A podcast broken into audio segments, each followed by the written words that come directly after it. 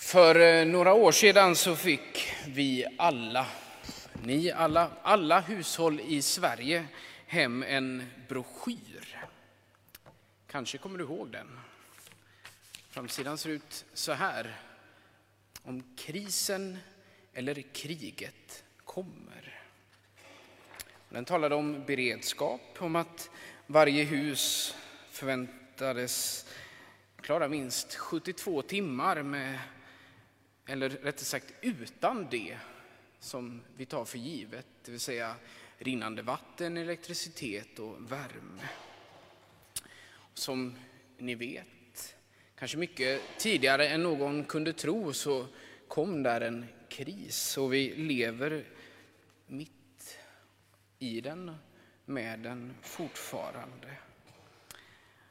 Hur det är, eller var, med vår, Sveriges krisberedskap, det låter jag någon annan avgöra. Jag är inte kvalificerad för. Men jag tänkte att den här överskriften som finns på denna, om krisen eller kriget kommer, ja den kan man använda sig av och kanske skruva till ett par varv och istället prata om Guds rike kommer. Om Guds rike kommer. Guds rike, ja det är ju givetvis något helt annat än kris och krig. Och det kanske skulle vara den där första punkten i en sådan broschyr. Kanske något Mats som vi ska skicka ut som församlingsblad om Guds rike kommer. Beredskap till alla Johannebergs invånare, vad vet jag. Men Guds rike är något annat än kris och krig och allt efter Jesu ord till Pontius Pilatus, timmarna före sin lidande död, när han säger mitt rike hör inte till denna världen. Om mitt rike hörde till denna världen hade mina följeslagare kämpat för att jag inte skulle bli utlämnad. Men nu är mitt rike av ett annat slag. Och vi kan ana av det vi hört i evangeliet, att det är så. För evangeliet handlar om Guds överflödande nåd och godhet. Men i alla fall, en inbjudan går också ut i evangeliet. En inbjudan som i första hand inte är någon broschyr eller pappersprodukt utan en person. Jesus från Nasaret, sann Gud och sann människa. Han gick konkret ut på, människor, på gatorna, gränderna, stigarna för att söka upp och bjuda in enkelriktade människor med sitt Kom, följ mig.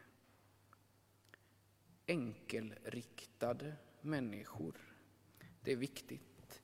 För vi kan lura oss att tro att det bara är de här välbeställda vars ursäkter vi hör som i evangeliet som kan komma med ursäkter och undanflykter.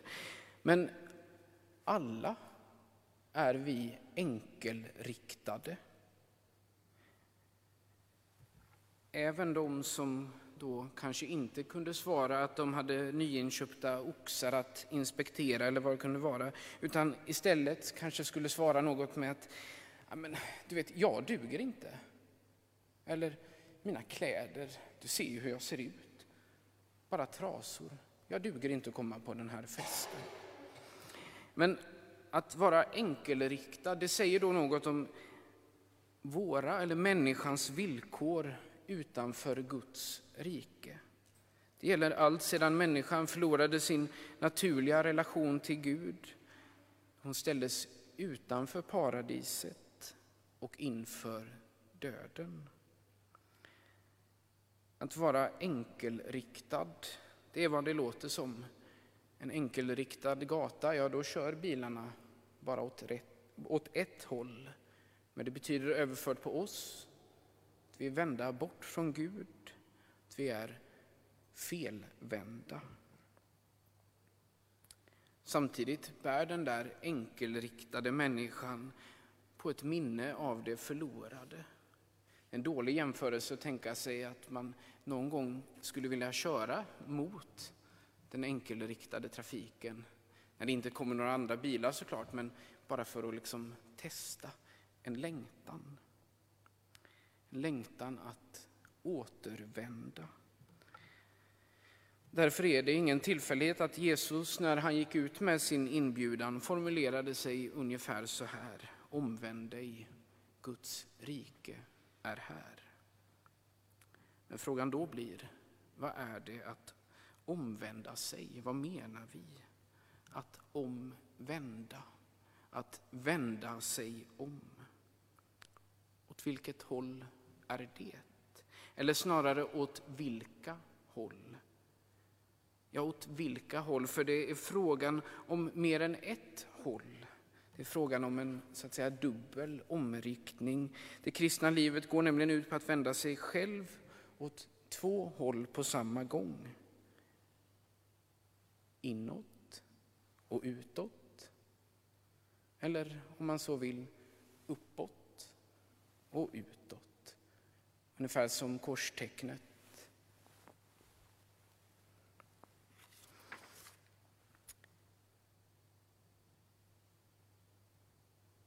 Till det här att vara enkelriktad, att vara så att säga så upptagen av, av det som i grunden är gott. För håll med om det. Åkrar, oxar, bröllopsfest. Det är ju fantastiska saker. Men till den enkelriktade människan hör också att hon är en missbrukande människa. Hon förvandlar det goda i Guds skapelse och sin medmänniska till droger Hon missbrukar dem. Det är detta vi ser frukterna runt omkring oss. Människor lämnas till ensamhet. Psykisk ohälsa ökar, klimatförändringar och så vidare. och så vidare. Allt är så att säga, ytterst konsekvenser av en enkelriktad och missbrukande mänsklighet.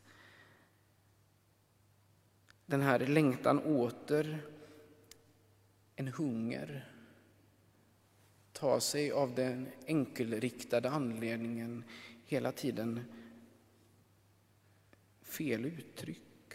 Och det enda sättet att få stopp på detta det är att stilla denna längtan eller hunger. Och för att stilla den så behöver vi honom som säger att den som kommer till mig skall aldrig hungra och den som tror på mig ska aldrig någonsin törsta.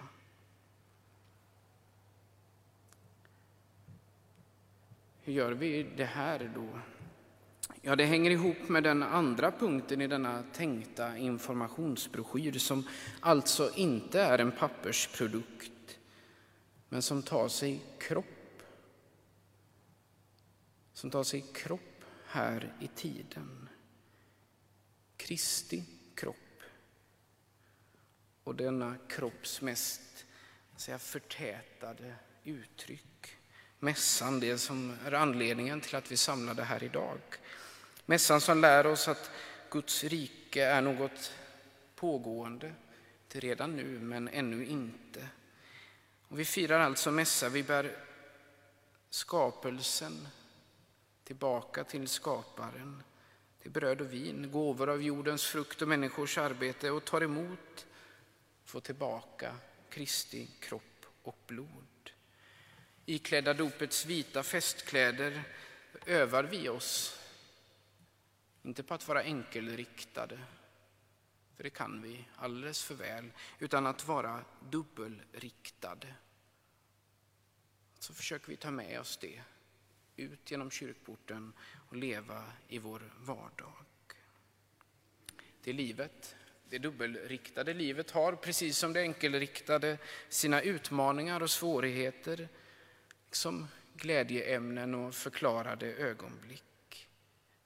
Men idag när vi påminns om Guds överflödande nåd och godhet så får vi också en påminnelse precis då som i den här broschyren. Krisen eller kriget kommer.